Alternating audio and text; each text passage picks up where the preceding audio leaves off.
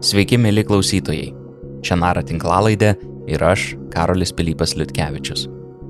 Šiandien kviečiu jūs susipažinti su mūsų komandos nariu Denisu Vėju, keliautoju ir fotografu, kuris draugė su mūsų žurnalistu Tomu Valkausku vos prasidėjus karui Ukrainoje išvyko dirbti ten.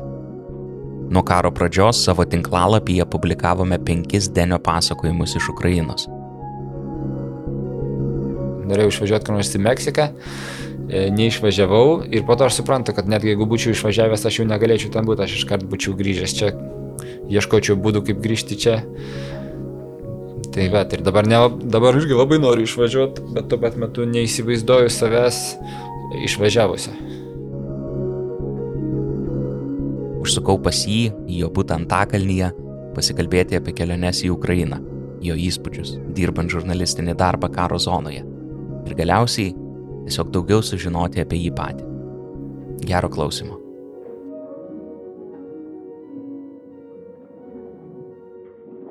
Labas, Sveikas. kaip jautiesi? E, normaliai, jau ramus. Ramus, ar ramus. Įdomi ta ramybė.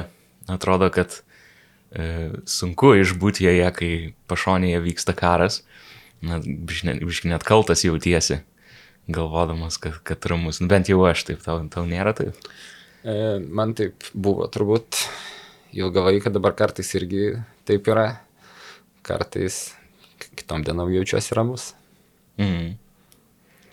Kai prasidėjo karas, pats jaučiau, kad e, reikia ieškoti kažkokių būdų padėti. Ar pervesti pinigų, ar padovanoti daiktų. Žinojau, kad nu, turiu dabar tą daryti. Tuo tarpu tu turbūt pajutai, kad turi ten būti. Dirbti ir fotografuoti Ukrainai. Ir man įdomios tavo mintis, kurios padėjo apsispręsti važiuoti į Ukrainą. Kodėl iš vis ten norėjai važiuoti? Mhm. Na, tuo momentu tai, tai turbūt e, visai neturėjau to atsakymą, dabar galbūt kai praėjo kažkiek laiko, jisai kažkaip tai grinėsi, kodėl, kodėl aš ten važiavau. Bet tuo metu tai čia buvo taip, kaip tu ir pasakei, tiesiog e, nu, negalėjimas galbūt stebėti to per, per atstumą, prasme, per telefoną, per žinias. Ir jo, tiesiog kažkoks jausmas e, būti ten, labai stiprus toks, tiesiog paėmė ir išstumė, ten atrodo, vat, ten viskas susiorganizavo prie, per porą dienų, net nežinojau nei kaip, nei ką, bet, nu, tarsi jau pirmą, pirmą karą savaitę su Tomu jau buvome tenais, pasienient buvome. Mm. Nes aš taip įsivaizduoju, kad jeigu stebi kažkokius kitų karo žurnalistų, nesakau, kad tu būtent karo žurnalistas, bet e, fotografavai, dirbai e, karo zonai, tai atrodo iš tų kitų žurnalistų, kad automatiškai vat, vyksta kažkoks karas ir tu ten turi būti. Ar, ar tavo atžvilgiu nėra vien tai variklis, ar yra kažkokie kiti dar varikliai, kurie pastumėjo ten būti? E, iš esmės, tai jo, čia toks klausimas, kur labiausiai savo jį užduodi turbūt būdamas ten. E, toks klausimas, kuris netgi hauntina tave, ką tu ten darai, ar tu ten esi reikalingas, e, kokios tos tavo priežastis. Tai nežinau, jeigu taip visai atviram būti, bent jau kaip aš tai atsakau savo, tai man atrodo išiškinau savo tokias trys, trys priežastis. Tai viena iš jų būtų tiesiog ta, tai darbas ir fotografija ir norėjimas dalintis istorijom iš ten ir, reiškia, palaikyti tą naratyvą, kad jisai nebūtų užmirštas ir tiesiog pasakoti apie tai, kas ten vyksta. E, antras dalykas. E, Tai žinoma solidarumas ir noras padėti. Čia irgi nu, ne, ne, ne, negebėjimas stebėti situacijos iš šono, ne, ne, ne, negebėjimas stebėti juos tiesiog per internetą ir būti to, liūdį, to, to liūdėjimo ir kažkaip tai prisidėti iš to, ką tu darai. Mano, mano atveju tai yra fotografija ir, ir, ir rašymas. Ir taip sakant, taip per tai išreikšti savo, savo solidarumą ir va, tiesiog būti ten, nes būti kitur e, yra sunku, kai ten vyksta tokie dalykai. O trečias dalykas, tai turbūt toks savanaidiškiausias iš visų, tai yra patirčių ir išgyvenimų troškimas. Yra tas būtent prisilietimas prie to, kas yra taip žmogiška, taip tikra. E, tiesiog būti ten ir, ir, ir, ir, ir tą išgyventi. Tai čia toks gal net, net kažkokio adrenalino noras, kuris irgi visiškai savo suprant, visiškai prisipažįstu savo, kad, kad, e, kad irgi tai mm, be jo, nežinau, ar be jo būčiau išvažiavęs. Tai yra tos trys priežastys, jos yra man tarsi vienodai svarbios ir jos tarsi susilieja į vieną, į vieną tą didelę priežastį. Aš nežinau, jeigu, jeigu vienos iš, iš jų man trūktų, aš nežinau iš tikrųjų, ar būčiau, ar būčiau galiausiai mhm. važiavęs. O ta trečia priežastis man įdomi dėl to, kad jinai atrodo vat, ir svarbi, bet kartu atrodo ir pavojinga, nes pavyzdžiui dabar įsijungus ten YouTube ar net stebint socialinius tinklus, nesunku pastebėti tokius karo turistus, kurie Ukrainoje tik dėl adrenalino ir kažkokios greitos šlovės iš peržiūrų skaičių. Ar pats galvoji, kaip netapti tokiu, kaip neleisti tai va trečiai daliai, tam adrenalino troškimui, užvaldyti tave, kad taptum tik kažkoks e, adrenalino dženki, kaip tu randi balansą tarp to noro padėti, tarp noro dirbti ir tos, tos dalies, kuri, kaip pats įvardinai, truputėlį savanaudiška, kad vat, nori, nes tai yra kažkoks išgyvenimas. Mhm. Nu tai aš tai manau, kad aš nežinau, ant kiek aš fokusuojuosi, kad nenueiti į vieną arba kitą pusę, bet kažkaip natūraliai tie tiesiog lygiai grečiai tie visi dalykai man jie veikia. Kažkaip tai gal irgi čia iš kelionė ateina, kad kartais irgi esi su fotoaparatu tokioj, pavyzdžiui, vietoj, kur, ne vietoj situacijai, kur tarsi nebūtų etiška jo išsitraukti. Mhm. Ir ir e, tarsi per daug eiti į, į, į kažkokius asmeninius žmonių išgyvenimus. Tai man atrodo lygiai taip pat ir čia yra, buvo, prasme, tikrai buvo daug momentų, kai ne tai, kad tu pamiršti, kad turi fotoaparatą, bet tu supranti, kad tai, kas vyksta dabar, tai, nu, tarsi, fotografuoti čia nėra taip svarbu, kaip svarbu tiesiog, vat, galbūt e, pabūti šalia su žmogum, padėti kažkaip, tai nežinau. Tai tas, e, e, jo, ne, ne, nemanau, kad, kad, kad net, žinai, mąstau apie tai kaip apie kažkokias pastangas, bet čia kažkaip natūraliai toks e, tarsi bendravimas su to, kas vyksta aplink tave, gal pajutimas hmm. situacijos. Jo, čia atrodo tokia sena e, fotožurnalistikos etikos tema, žinai, kada, kada fotografuoti, kada nefotografuoti. Ar daug pats apie tai galvoji, ar, ar tiesiog tau natūraliai taip išeina, tiesiog stebi situaciją, pamatai, kad... Aš manau, kad dabar tai jau tas vyksta tiesiog natūraliai, bet kažkada tikrai buvau apie tai ir galvojęs ir pats ne, ne, ne, gal neprajausdamas to, to atstumo, žinau, eidavau arčiau ir, nežinau, neatsiklausdamas gal kažkaip e, tą išgyvendį su laiku, pasimokai ir vis tiek tas kažkaip statosi tavyje, tas jau, jausmas, santykis tarsi su, su, su fotografija ir su to, ką tu fotografuoji. Hmm. Man asmeniškai darbas, toks žurnalistinis darbas su fotoaparatu kelionėse dažnai yra toks leidimasis į nežinomybę. Tu nežinai, su kuo tu susidursi, tu nežinai, kur tave istorija nuves, tu nežinai, kaip į tave reaguos ir nežinai, ką tu galų gale papasakosi. Tu tiesiog keliauji pasroviui dažnai.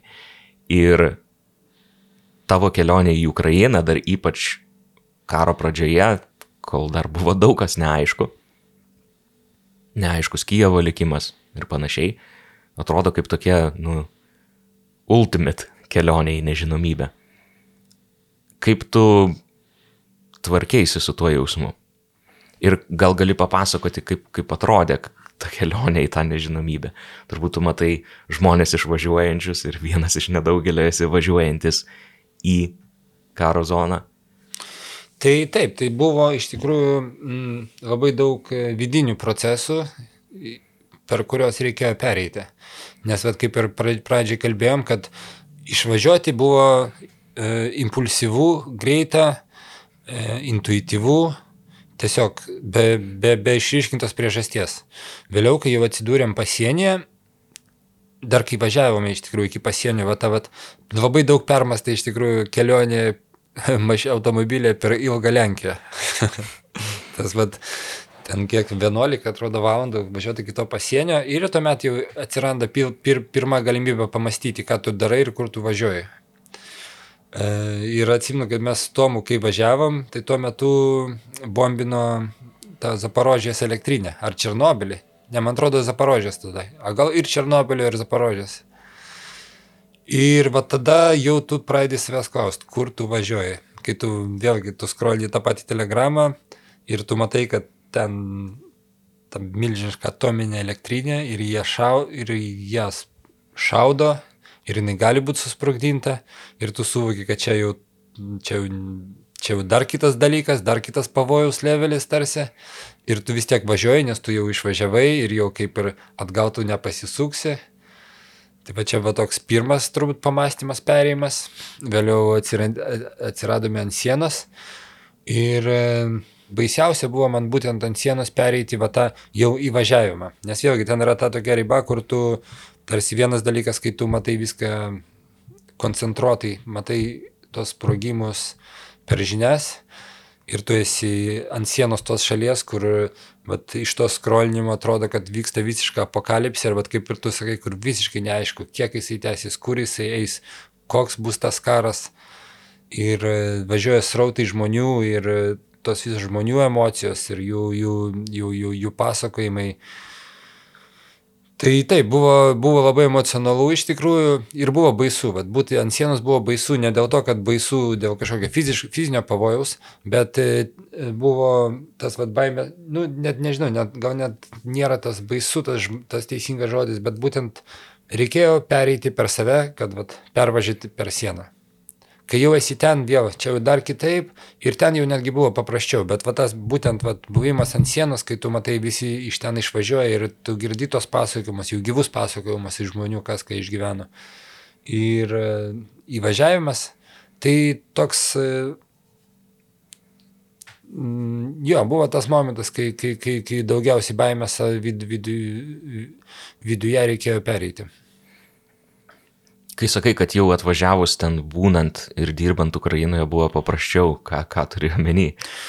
Nu, iš, iš esmės, e, matai, tas irgi ta pirma kelionė, jinai buvo labai įkvepianti, aš sakyčiau, vat, iš tos pusės, kad sutinki, vat, tai buvo tas dalykas, kai, su, kai, kai suvokiam, kiek daug yra ten solidarumo ir kiek daug yra pagalbos ir va, tarsi tu pamatai, pamatai tą kitą frontą, pagalbos frontą, solidarumo frontą, kuris yra nemažiau stiprus negu, negu karinis frontas, negu va, tos visos, tiesio, visas tas siaubas, šaudimai, sprogimai.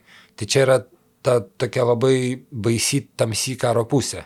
Tas va, toks agresyvus tarsi frontas. O kitas dalykas, va, būtent tas yra solidarumas, savanoriai, žmonių noras padėti, tiesiog nepriklausomos organizacijos, organizacijos pavieniai žmonės su savo iniciatyvam. Ir tai tarsi sulygina tas svarstyklės.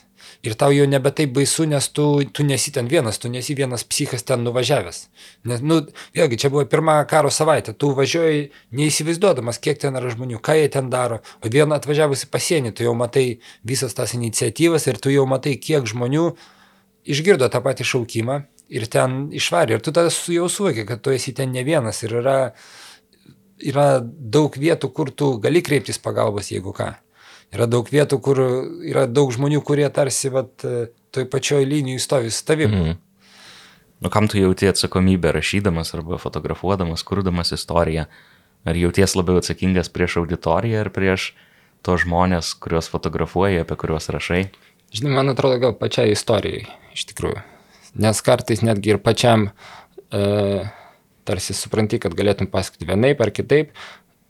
Ir, žinai, ir galbūt netgi tie žmonės, kurie yra istorijai, kartais norėtų, kad ta istorija būtų papasakota kitaip. Arba skaitytojai galėtų, norėtų, kad būtų papasakota kitaip. Bet gal man tas patinka fotografija, kad tu iš tikrųjų užfiksuoji tai, kas yra. Iš dokumentinį fotografiją. Ir tu pasakoji vis tiek pas mane pagrindinis e, bent jau kaip aš save, prie, kaip aš save jaučiu, tai pagrindinis įrankis pasakojant istoriją yra fotografija, o ne tekstas. Ir e, ta fotografija, tai yra dokumentinė fotografija, kuri iš tikrųjų nufotografuoja tai, kad, tai, tai, kas ten vyksta, tai, ką galbūt, aišku, ten tas objektyvumas visada yra, yra klausimas, ten irgi kiekvienas gali skirtingai ir pamatyti tą situaciją nufotografuoja ir skirtingai nufotografuoti. Mm. E, bet atsakomybę, man atrodo, aš jaučiu pačiai istorijai, galbūt netgi labiau negu skaitytojams arba žmonėm, kurie, kurie, kurie pasakoja tą istoriją. Mm. Tavo darbai iš Ukrainos, kurių vieną pats įgarsinau, skaitosi kaip tokios kelio istorijos.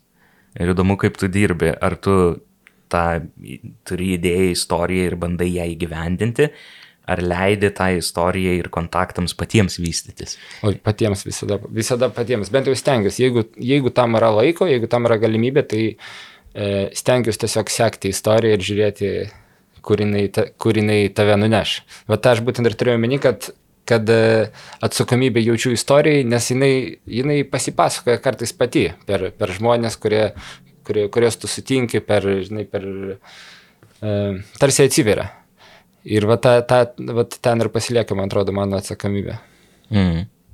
Ir matydamas daug žurnalistų vaizdų iš Ukrainos, kartais susidarydavau tokį įspūdį, kad žurnalistai dažnai yra nepatyrę dirbti karo zonoje ir net maišo kariškiams, jie ten ragina juos e, slėptis, bėgti ir panašiai, ir, ir nevalyvai tie žurnalistai dažnai tose klipuose reaguoja į tuos dalykus. Ar kaip pats buvai ten ir kaip pats dirbai su ukrainiečiais, ar stengiaisi nesimaišyti e, ir kaip jie galų galiai į tave reagavo? Mm. Na, šiaip daugiausiai, kur, kur, kur buvom ir su Tomu, ir kur vėliau, vėliau kur pats buvau, tai mes nebuvom iš tikrųjų tokiuose gal situacijose, kur mes kažką maišytume. Mes nebuvom iki fronto linijose, mes nebuvom mm, per susišaudimus. Ta prasme, netgi dauguma jau, jau subombarduotų dalykų, kuriuos galime matyti fotografijose, tai čia jau aftermaršas toksai. Čia jau tai, kas, tai mes jau buvom ten po to, kai tai įvyko. Ir gal vienintelė situacija tai buvo vat, Odesoje, kai kai, taip, kai visai šalia manęs ten su, subombardavo gyvenamą į pastatą ir aš ten atsidūriau tiesiog tuo pat metu, kaip ir praktiškai tuo pat metu, kaip ir gelbėjimo komanda. Ir aš pradėjau ten iškart dirbti ir fotografuoti. Kas, Bet tu ten nuvažiavai, ar ne? Aš ten nuvažiavau, nes ten taip taip susidvėlgi, ta, ta prasme, taip susidarė aplinkybės, kad buvo gal 500 metrų nuo manęs, gal kilometras nuo manęs tas sprogimas, aš aiškiai mačiau, iš kur kyla dūmai, šo, tai prasme, šokau už vairų ir tiesiog sekiau dūmus ir atsiradau tenais. Tai va, tai aš ten, taip, jeigu ilga istorija trumpai, tai aš ten pradėjau fotografuoti, vėliau atvažiavo policija, policija dar taip gan vangiai mane reagavo, tiesiog, kad e, nesimaišykit, e, ten arba pasitraukit, aš ten stengiuosi tiesiog dirbti ir niekam netrukdyti. Ir e, jau po to, kai jau suvažiavo daugiau visų tų patrulių, tai aš ten vis dar vienu momentu keičiausi linzę ir priejo toks jau be, be uniformos, be nieko, bet e, iš kalbėsinos galima buvo suprasti, kad e, e žmogus kažkoks tai surango. Tas, e, Nu, žodžiu, jis pasakė man, mm. kad nufotografavo visus mano prieskardus ir ką pasakė, kad jeigu pamatys nuotraukas kažkur viešoje erdvėje arčiau negu, greičiau negu atsiras kažkokia mm, oficiali informacija, tai suras mane iš, iš bet kur. tai jie taip saugo tą informaciją, ar ne? Jo, iš esmės, tai, ta prasme, ne, e, dalintis tą informaciją galime tik po to, kai ją oficialiai paskelbė ukrainiečių pusė. Tai mhm. galėtų būti arba miesto savivaldybė, arba tas pats e, ZSU. Prasme, o taip, prasme, čia daroma dėl to, kad jeigu rusai, pavyzdžiui, iš tikrųjų nepataika, tai kad nuslėptų, į kur jie pataikė, kad jie negalėtų koreguoti savo ugnies. Mm. Man įdomu, kai dažnai girdžiu tokius e, palyginimus apie tai, kaip, e, kaip ukrainiečiai jaučiasi, kai juos palaiko Europos Sąjunga, kad tai iš esmės yra vat, futbolo varžybos, ar ne, kažkas iš tikrųjų bėgioja, kažkas iš tikrųjų vargsta, kažkas iš tikrųjų prakaituoja ir fone vat yra palaikytojai, kurie iš tikrųjų kaip sirgaliai tiesiog ploja ir sako, nu davai varykit, mhm. mes už jūs. Ir aš įsivaizduoju, jeigu aš būčiau to, toje, toje situacijoje, tai aš nežinau, kiek aš, kiek aš išgalėčiau dirbti, o kiek aš iš tikrųjų norėčiau padėti, prisidėti ir pateisinti savo buvimą ten. Mhm. Kokios tavo mintis apie tai, kai tu ten buvai, tu pasakoji, kad tu kartais matai, kad reikia padėti, kad reikia prisijungti prie kažkokių ten daiktų nešimų ar kažko. Ar pats jautėjai tą, tą tokį reikalą padėti ir, ir ne tik dirbti savo darbą, bet ir e, prisidėti prie kažkokių kitų darbų? Taip, tai žinoma, jeigu, jeigu vyko kažkas aplinkui ir tas labai dažnai tokie darbai jie perspindavo ir su istorijom. Tiesiog čia tie patys žmonės, su kuriais tu bendrauji, kurie tau padeda kažkaip tai ten surasti kažką įdomesnio ir giliau kažkur įlysti. Ir čia tie patys žmonės, kurie, kurie dirba ir su to pačia evakuacija, ir su humanitarinė pagalba. Ir aišku, ir tu, aišku, tu tuo pat metu ir, ir esi ten, kaip, kaip savanoris kažką padedi, ir tuo pat metu e, darai savo istoriją ir fotografuoji. Ir e, iš tikrųjų tas palyginimas gal su futbolo varžybom, tai jisai gal labiau jaučiasi būnant čia, ne Ukrainoje. Ukrainoje tai Ukrainoje to nesijaučia, nes atvirkščiai tave labai įkvepia skirtingos iniciatyvos žmonių, kurie, kurie labai daug ką daro viduje, nes mes matom tą konfliktą daugiausiai kaip Geopolitinė. geopolitinį, kaip, e, žinai, kaip karinį konfliktą, bet viduje yra labai daug e, tokios civilinės jėgos, labai daug aktyvizmo, labai daug e, savanorių ir, e, ta prasme, žmonės iš tikrųjų iš to, kas jie yra, padeda per maksimumą padėti situacijoje. Ir tas labai stipriai įkvepia. Tas e, labai, ir tas jaučiasi labai, e, jaučiasi labai stiprus nuoširdumas tame visame. Kas, vat, iš tikrųjų labai, e, čia vėl grįžtant tą klausimą, kodėl tu ten nori važiuoti, nes ten tai yra, be to viso karo siaubo, kurios vyksta, tu dar patiri labai daug nuoširdžių ir tikrų dalykų, kurių tarsi, nežinau, pasigesti gal kitur. Mm. Nes prieš prasidedant invazijai buvo balsų sakančių, kad vat Kievas ten grius per 72 valandas. Akivaizdu, kad taip nenutiko, kad ukrainiečiai turi dvasios kariaut. Ir vat norėjau paklausti tavęs, kaip, kaip ta dvasia pasireiškia. Ar, ar tai yra tas noro priešintis variklis, jis atsiranda iš jausmo, kad esi tiesoje, ar iš kažkokios vilties, ar iš tos brolybės. Kas yra, vat, ka, kaip tu įvardintum tą, tą vat, žmogiškumą, kurį tu sutikai? Mm. Man atrodo, kad žmog, pats žodis žmogiškumas tam labai tinka. Mm. Jo, tiesiog tas broliškumo kažkoks jausmas, kur ir, nežinau, toks didelis susivienimas žmonių, skirtingų visiškai žmonių, kur ateinančių iš skirtingų profesijų, iš skirtingų backgroundų, iš skirtingų socialinių sluoksnių. Ir e, jo ir visi susivienyje dirba ties vieną tikslą. Aš įsivaizduoju, kad būnant ten vietoj ir išgyvenant tą, norisi iš ten ir rašyti. Rašyti negrįžus, mm -hmm. tas nuotraukas redaguoti negrįžus į Lietuvą, kur jau vat, kitokia nuotaika, kur jau kažkokias futbolo varžybas, žinai, įsivaizduoji, o būnant ten, kaip tau geriau? Ar tu mėgsti labiau dirbti iš vietos ar, grįžus? E, gal labiau tai mėgstu iš vietos, bet vietoj ne visada randi labai daug, žinai, labai daug visko tarsi leiriais guva vienas ant kito. Ir kartais nėra tos pertraukas, kad prisėst, atsikvėpti ir surašyti. Tai vat, jeigu jinai atsiranda, tai tada labai, labai faina ją išnaudoti. Bet e, šiaip ten, žinai, ten kartais ir toks net nežinai, kada bus sekantis poilsis. Ne tai, kad kada sekantis bus e, sekančios porai dienų, kad susidėti informaciją. Na jau antrą kartą, jo, ta, kai antrą kartą važiavau, jau buvo ramiau ir pačioj, na, buvo atsitraukę tie rusai, tai buvo, galima buvo surasti ir to, to, tos ramybės parašyti. O kaip, pavyzdžiui, su Tomu buvome pirmą kartą, tai atrodė, kad viskas taip greitai vystėsi, kad, e, nu, nebuvo tos netgi galimybės prisėsti ir susikaupti ap- apie tai, kas jau įvyko. Vėlgi, čia buvo pati pradžia, kai įvykiai vystėsi labai, grei, labai greitai.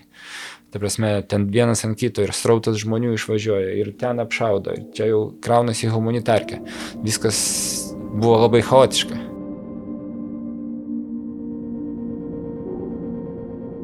Čia trumpam įsiterpsiu į savo ir Denio pokalbį, norėdamas padėkoti žmonėms, kurie prisideda prie mūsų veiklos per Contribui platformą bei bankiniais pavedimais. Šiandien dėkoju James Nixon, Rūtai Samajauskeniai, Justai, Gretai, Mažvidui Karaliui, Neringai, Jonui Gajauskui, Gabrieliai Gedvilaitai, Giedrijai Diklytei, Indrai, Linai, Evelinai Simoniai, Egliai Cekanavičiūtei, Maksimui Miltai ir Edvinui Bartkui.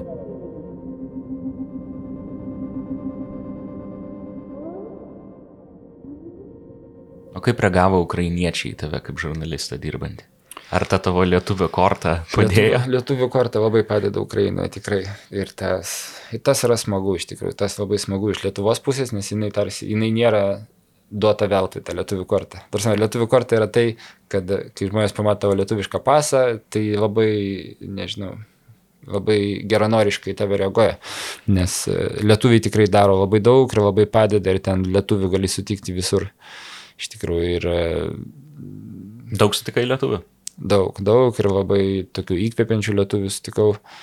E, Daugiausiai pasienė. Vėliau vieną kitą sutinki, mažiau sutinki, bet, bet, e, jo, daug lab, bet labai įkvepiančių žmonių, kurie labai padeda, labai tam atsiduoda ir daro nuostabius dalykus tenais. Aš atsimenu, kad e, prieš važiuojant antrą kartą ieškojai šalmo.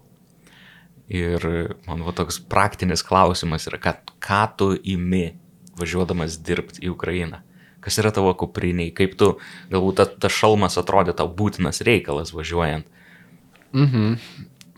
Tai iš esmės tai susikraunu kuprinę, šiltas mėgmaišis, e, nežinau, visą fototechniką, tas šalmas lemenė, aš antrą kartą buvau juos pasiemęs, e, tiesiog įsimečiau iš tikrųjų automobilį, lemenį buvau gal vieną kartą užsidėjęs, šalmą neatsimenu, net ar buvau užsidėjęs.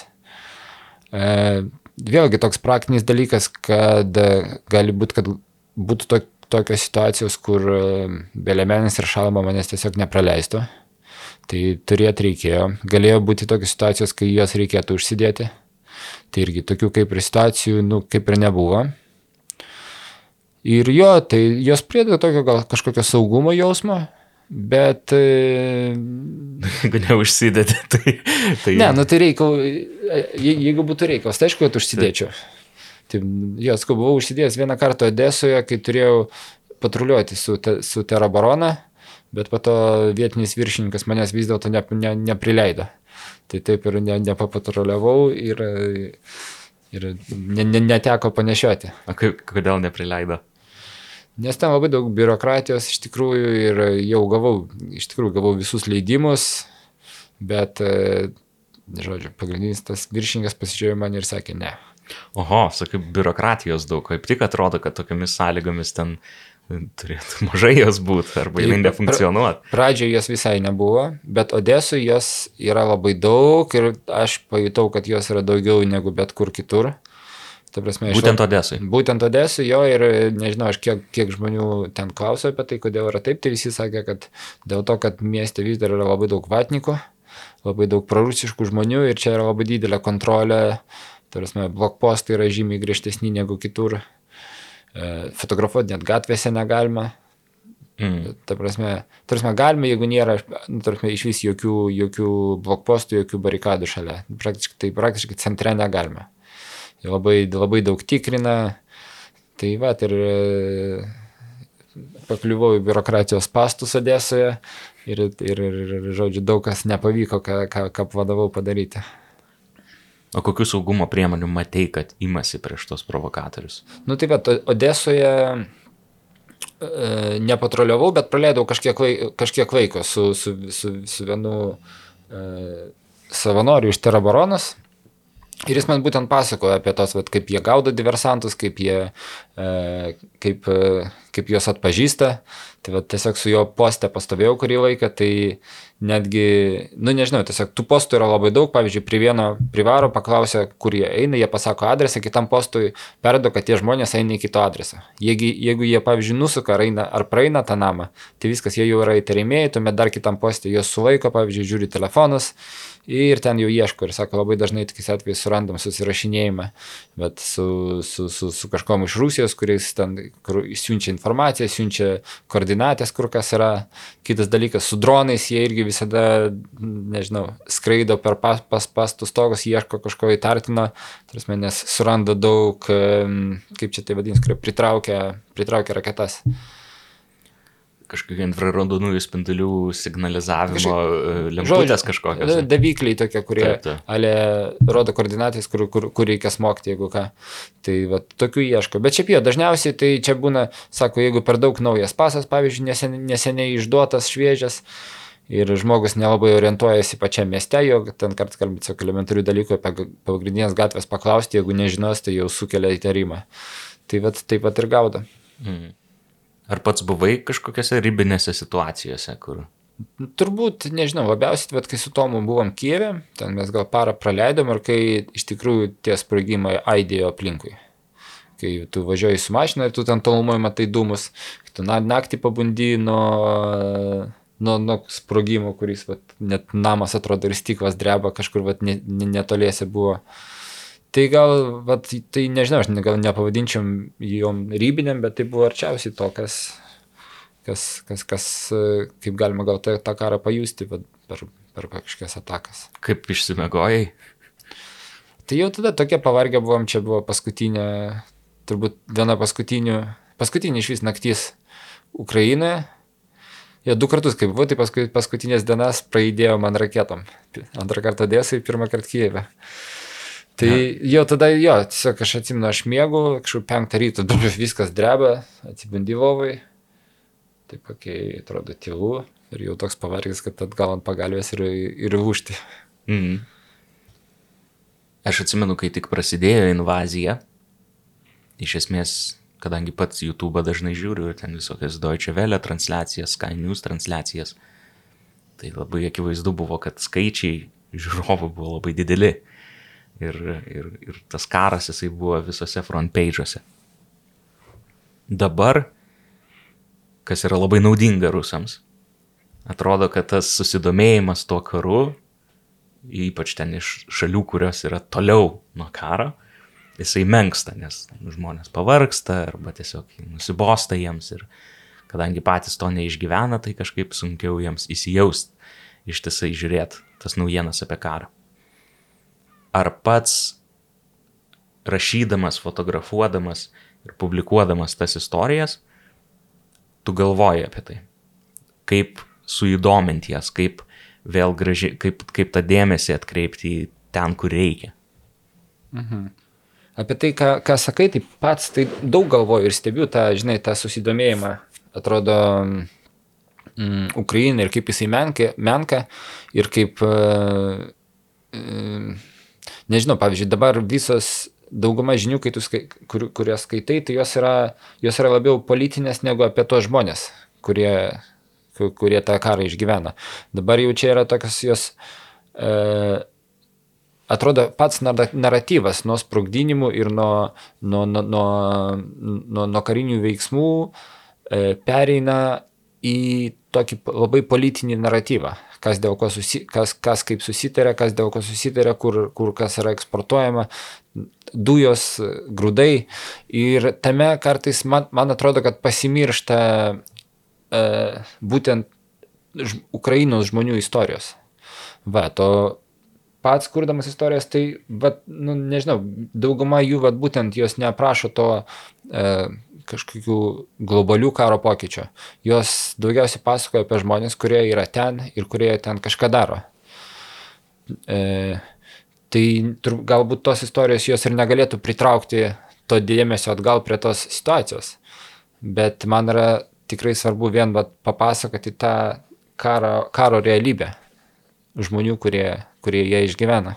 Man pačiam, va, dirbant žurnalistinį darbą, ypač tokį, kuris yra labai arti žmogaus kažkokio ar žmonių, yra labai sudėtinga atradus kažkokį ryšį, susibendravus su jais, kažkiek išjautus jų problemas, sunku po to su jais atsisveikinti. Nes atrodo, tu tampi kaip ir jų kažkoks draugas, kaip ir kartu su jais būni tose situacijose.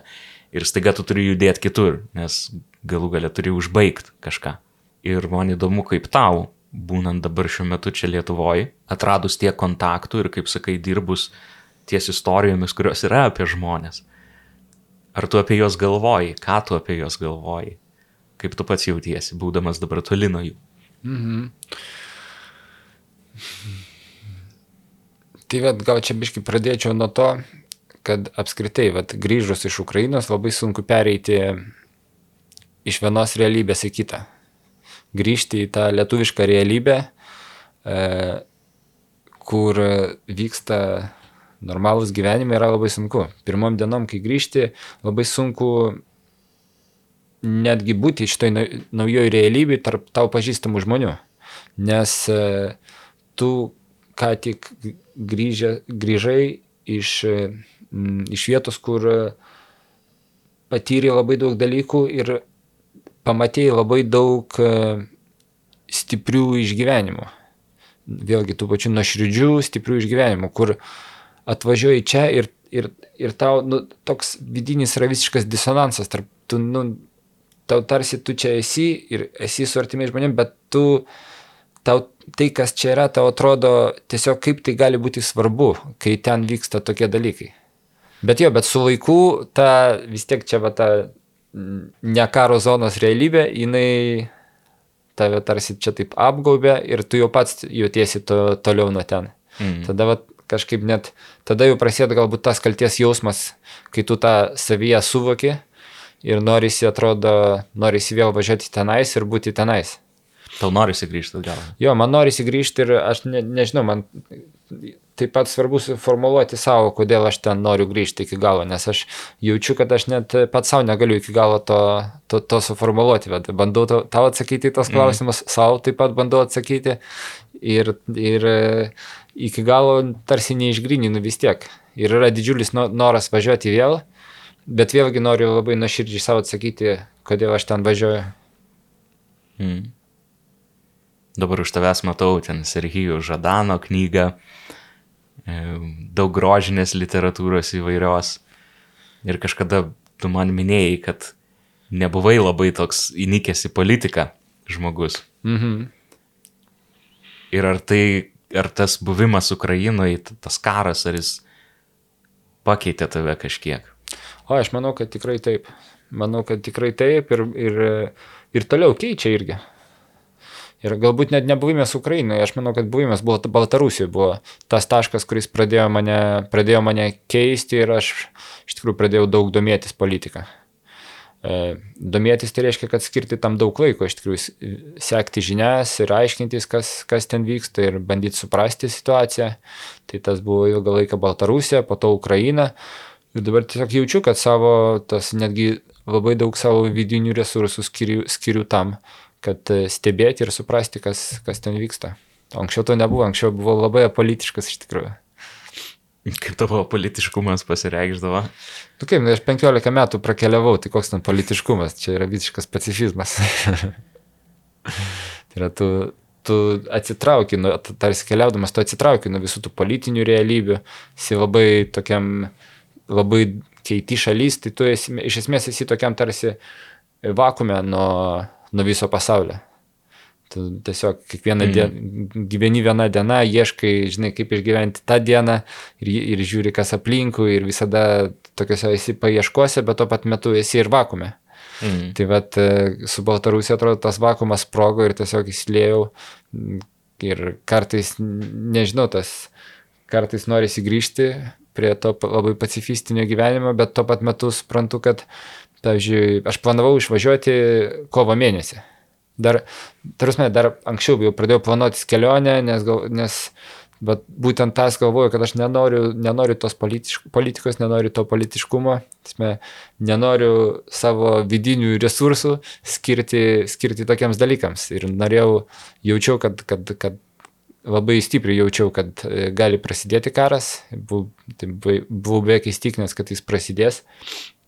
Ir norėjau išvažiuoti iki tol iš tikrųjų. Norėjau išvažiuoti kur nors į Meksiką, e, neišvažiavau ir po to aš suprantu, kad netgi jeigu būčiau išvažiavęs, aš jau negalėčiau ten būti, aš iškart būčiau grįžęs čia, ieškočiau būdų, kaip grįžti čia.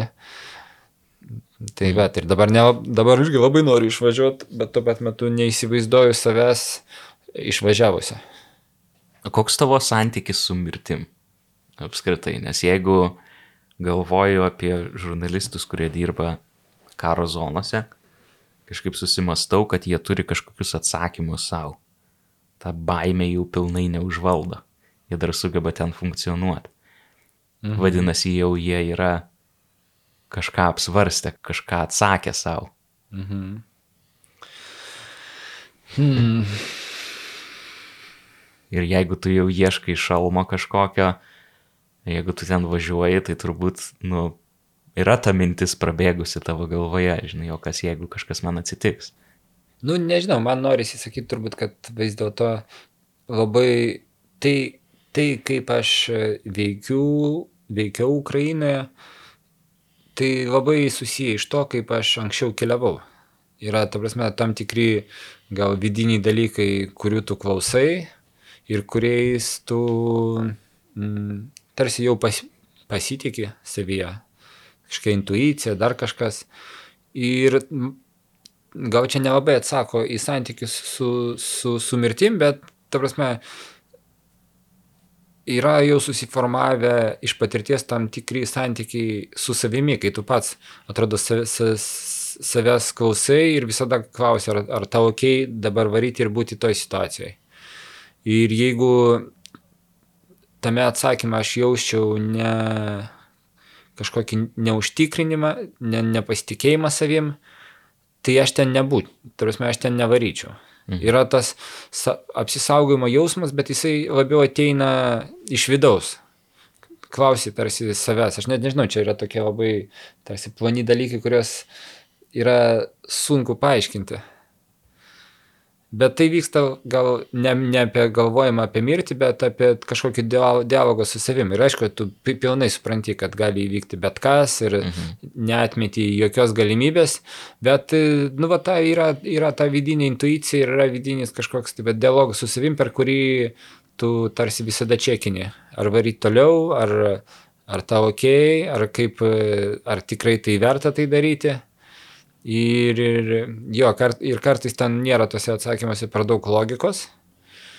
E, jie yra labiau tokie in, in, intuityvus, bet išmoksti jų klausyti iš tikrųjų. Ir taip tu tarsi laviruoji tarp to, kas, žinai, to, to, tų pavojų ir tu, tu, tu, tos pačios rizikos, ant kiek tu, uh, ant kiek tu leidi savo rizikuoti. Vat. O kai va, apie tą šalmą, nu, tai šalmas tai yra, jisai, nežinau, jis netgi prie to, ką va, dabar sakau, tai jis nelabai turi ko, ko bendro, nes šalmas yra toks dalykas, kur jo tokio kažkokio saugumo jausmo vidinė tau priduoda, bet logiškai tu, tu supranti, kad, ta prasme, jisai, nu, realiai tavęs neapsaugotų tenais. Tai nėra tas, kas, kam, tipo, ne, ne šalmui ir ne, ir nelemeniai tu pateiki savo gyvybę. Čia tu pateiki va, tiems santykiams su savimi. Tai tas yra tiesiog toks tarsi, žinai, dantų šepetėlį įsimesti, mm. nes, nu, tipo reikia. Bet, nu, ta prasme, šiaip ne, ne, neišgelbės tavęs. Ir man įdomu apskritai, koks tada santykis su, su patirtim, nes karas yra tokia situacija, kuri yra visiškai ne, neprognozuojama. Ir atrodo, kad tu ten kažkokios patirties didelės kaip laviruotose situacijose, kaip ten dirbti, ne, nu, ta patirtis daugiau kažkokia vidinė, to, to dialogo su savim atsiranda, o ne, o ne ta tokia išorinė, žinai, kaip ten. Taip, čia būtent yra, žinai, kas, čia yra toks mm, mokėjimas, net nemokėjimas, pasitikėjimas savimi kažkokia, bet žinai, kažkokioj teoriniai, pavyzdžiui, ekstremaliai situacijai. Ne, nu, ne, nebūtinai teoriniai, bet tiesiog gal pasitikėjimas savimi tame, kad ekstremaliuose situacijose jau esu buvęs ir mačiau, kaip aš ilgiuosi. Ir gal dėl to tu, va, tu teisus, kad tu negali suplanuoti, ta prasme, kažko ten gali įvykti bet kas ir bet kada iš esmės. E, bet, vat, vėlgi yra tas pasitikėjimas savim, yra tas, kad žinau, kad, vat, kai vat, būna tokia kažkokia super ekstremali situacija, tai aš jau žinau, kaip veikia mano kūnas. Tai prasme, mano, gal ne kūnas, mano vidus tuomet ne, nelieka iš vis jokių emocijų, jos yra tiesiog užgneuštas visos ir lieka labai šaltas ir greitas protas, kuris atrodo jis taip šaltai ir greitai e, funkcionuoja, kaip, kaip normaliam gyvenime jis tiesiog nefunkcionuotų. Tu tiesiog, tu, nu, jausmai jie ateina daug vėliau. Čia jie gali būti iš vis tuo metu ant tiek užgneušti, tu tiesiog, e, nu, jų nėra. Vėliau jie ateina, bet tas vat, adrenalinas jis tarsi tokį skydą nuo visų emocijų tau uždeda ir jo, ir tu tiesiog greitai ir šaltai mastai. Ir aš žinau, kad, ta, kad jeigu būtų pavojus, tai mane apimtų būtent tą būseną.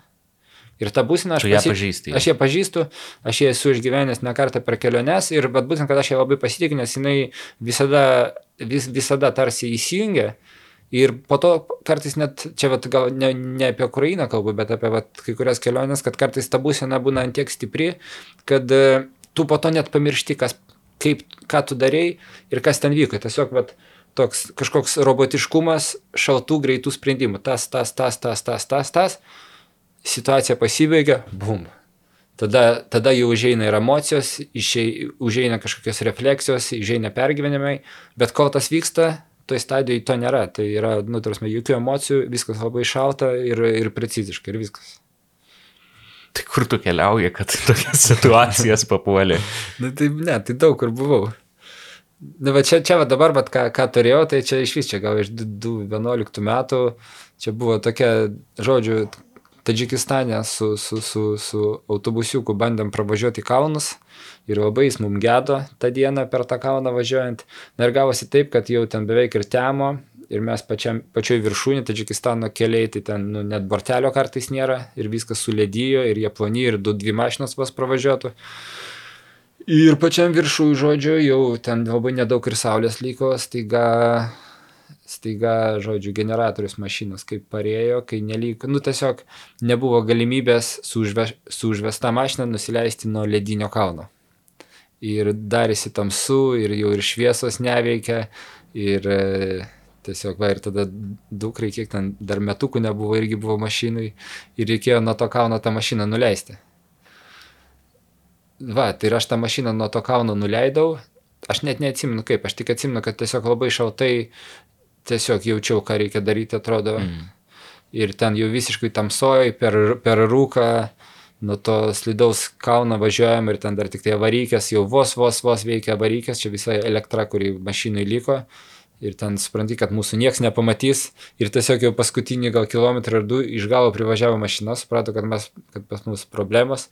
Stiprintuvas vaiko ir vairo neveikia, ar nestiprintuvas? Žinok, jau net neatsimenu.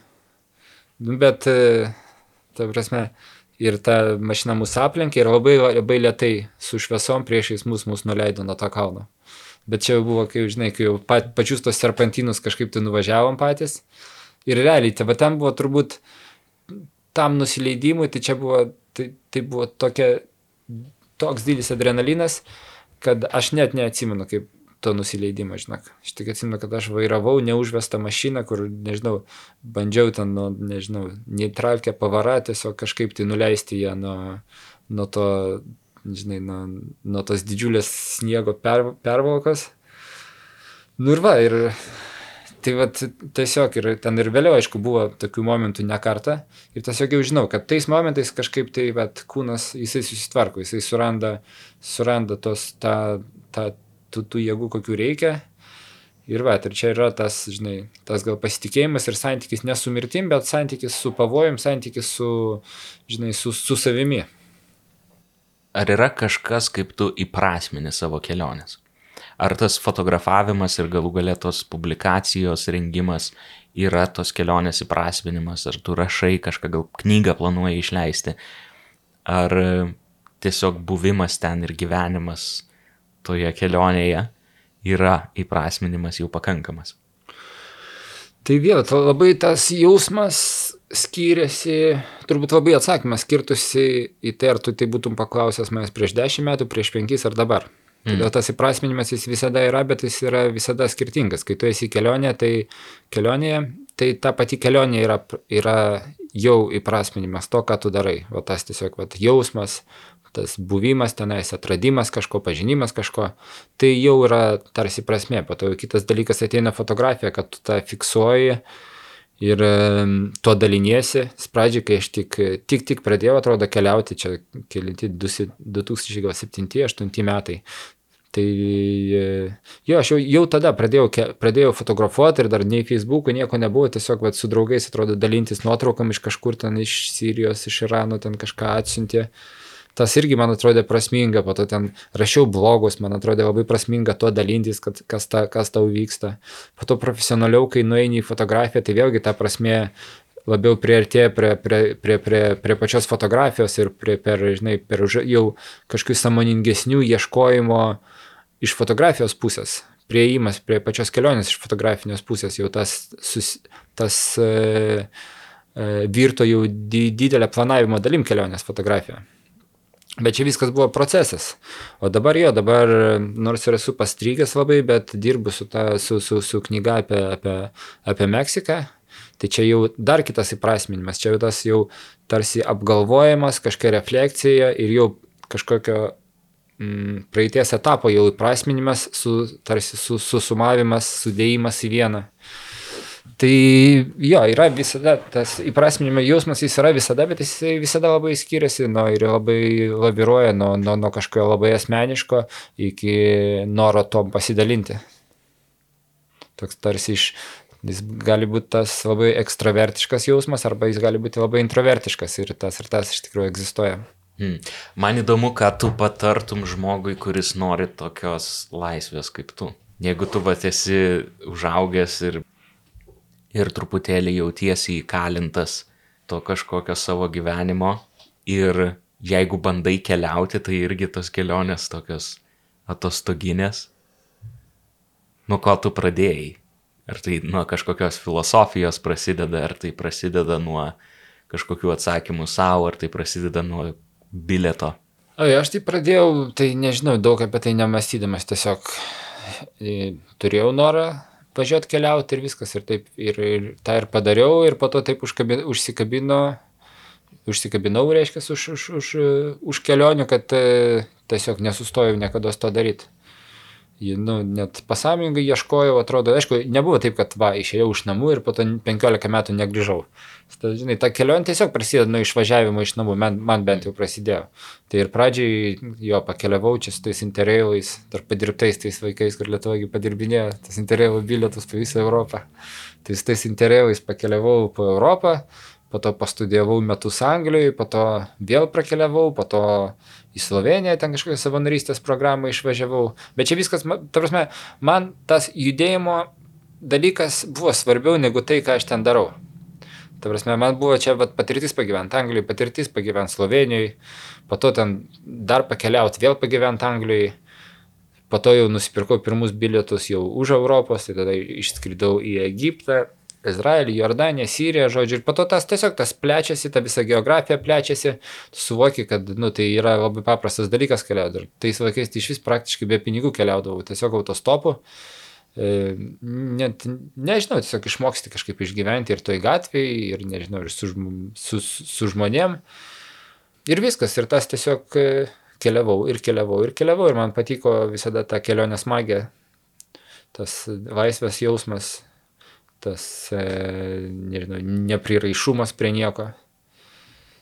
Ir niekada nebuvo tokio sprendimo, kad kažkokio sąmoningo sprendimo, va, aš būsiu keliautojas, arba, va, aš, mhm. nežinau, apkeliausiu visą pasaulį, arba to, nu, nebuvo. Buvo tiesiog noras keliauti ir jis visada, jis tiesiog niekur nedingo.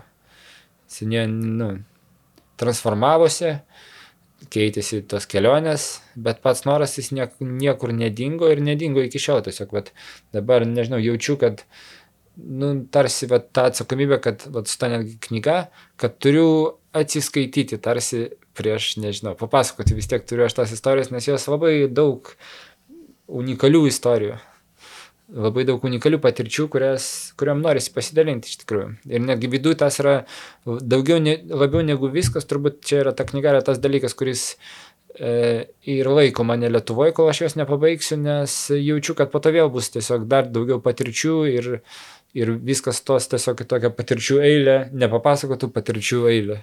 Nepasidalinau. O noriu įsidalintis iš tikrųjų. Turi vaikų.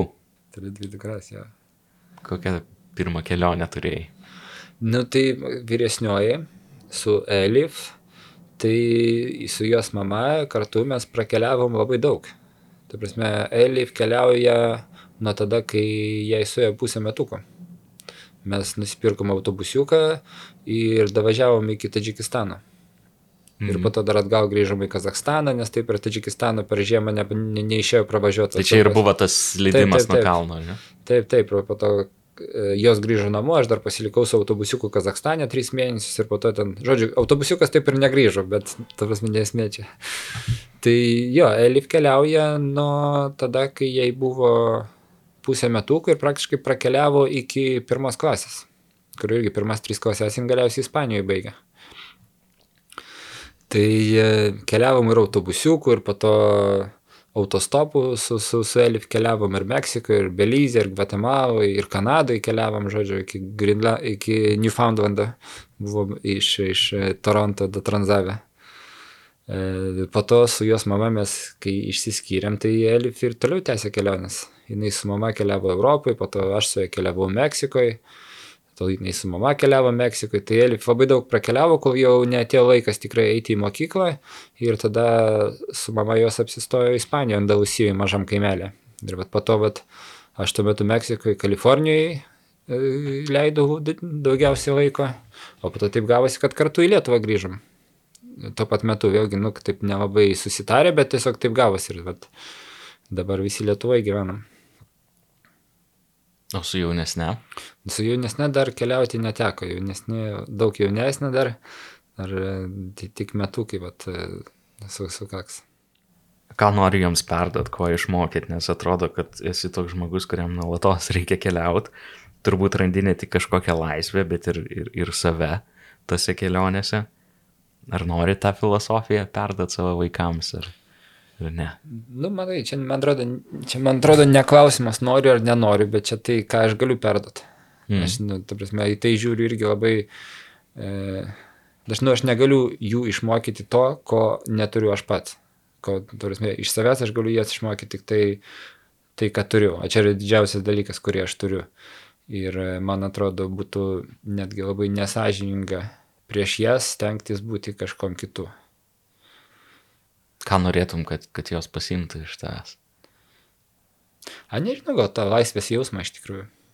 Galimy, galimybė tam laisvės jausmui egzistuoti, mokėjimą gal duoti tam jausmą erdvės.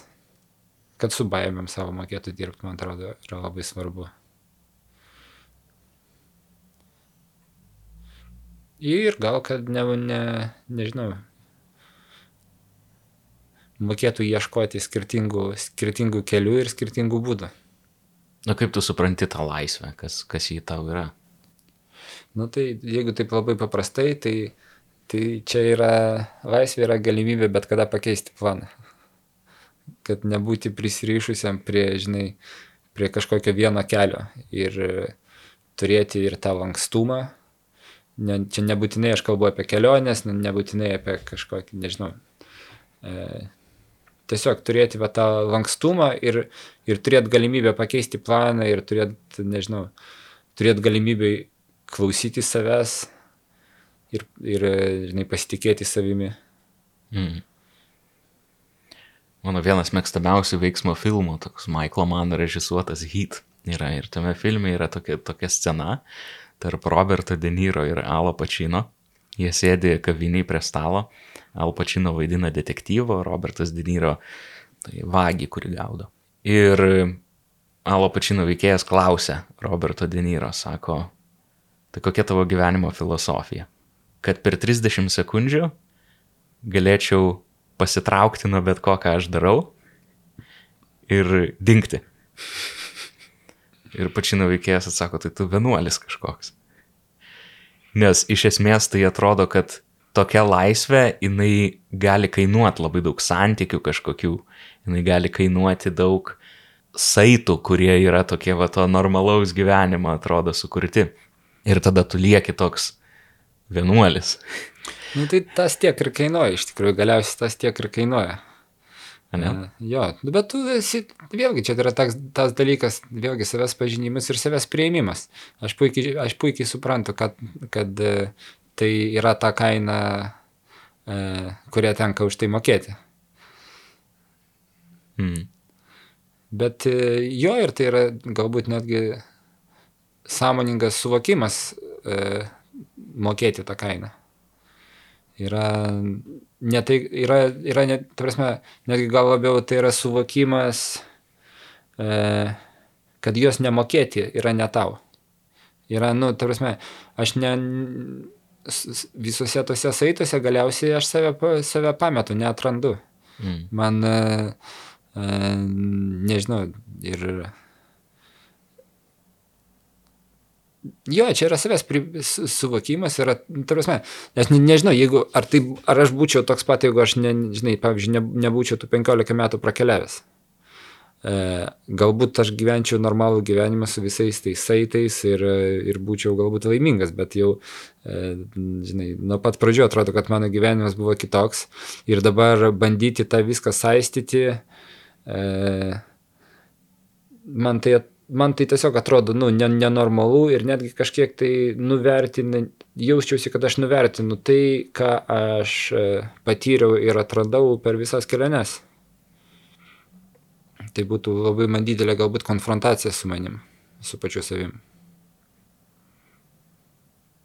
O kaip tokioj tokią laisvę turėti nesavanaudišką?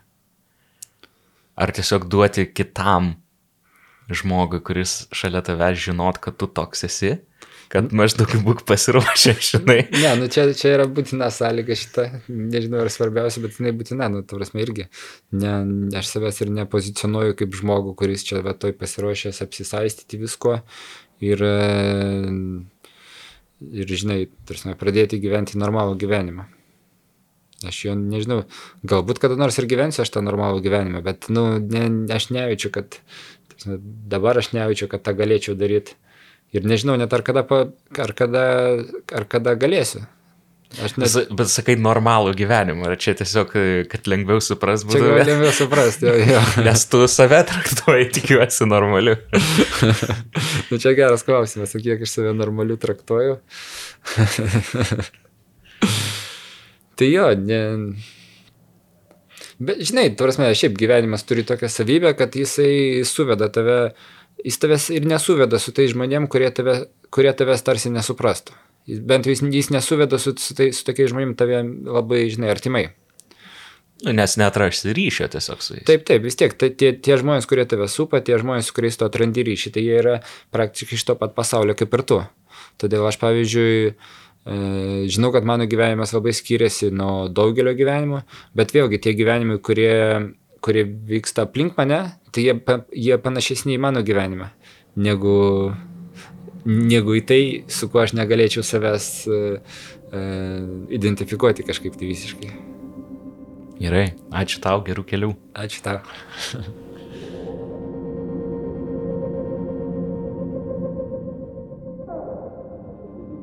Visus susidomėjusius Denio tekstais ir fotografijomis iš Ukrainos kviečiu šios darbus rasti mūsų tinklalapyje nara.lt.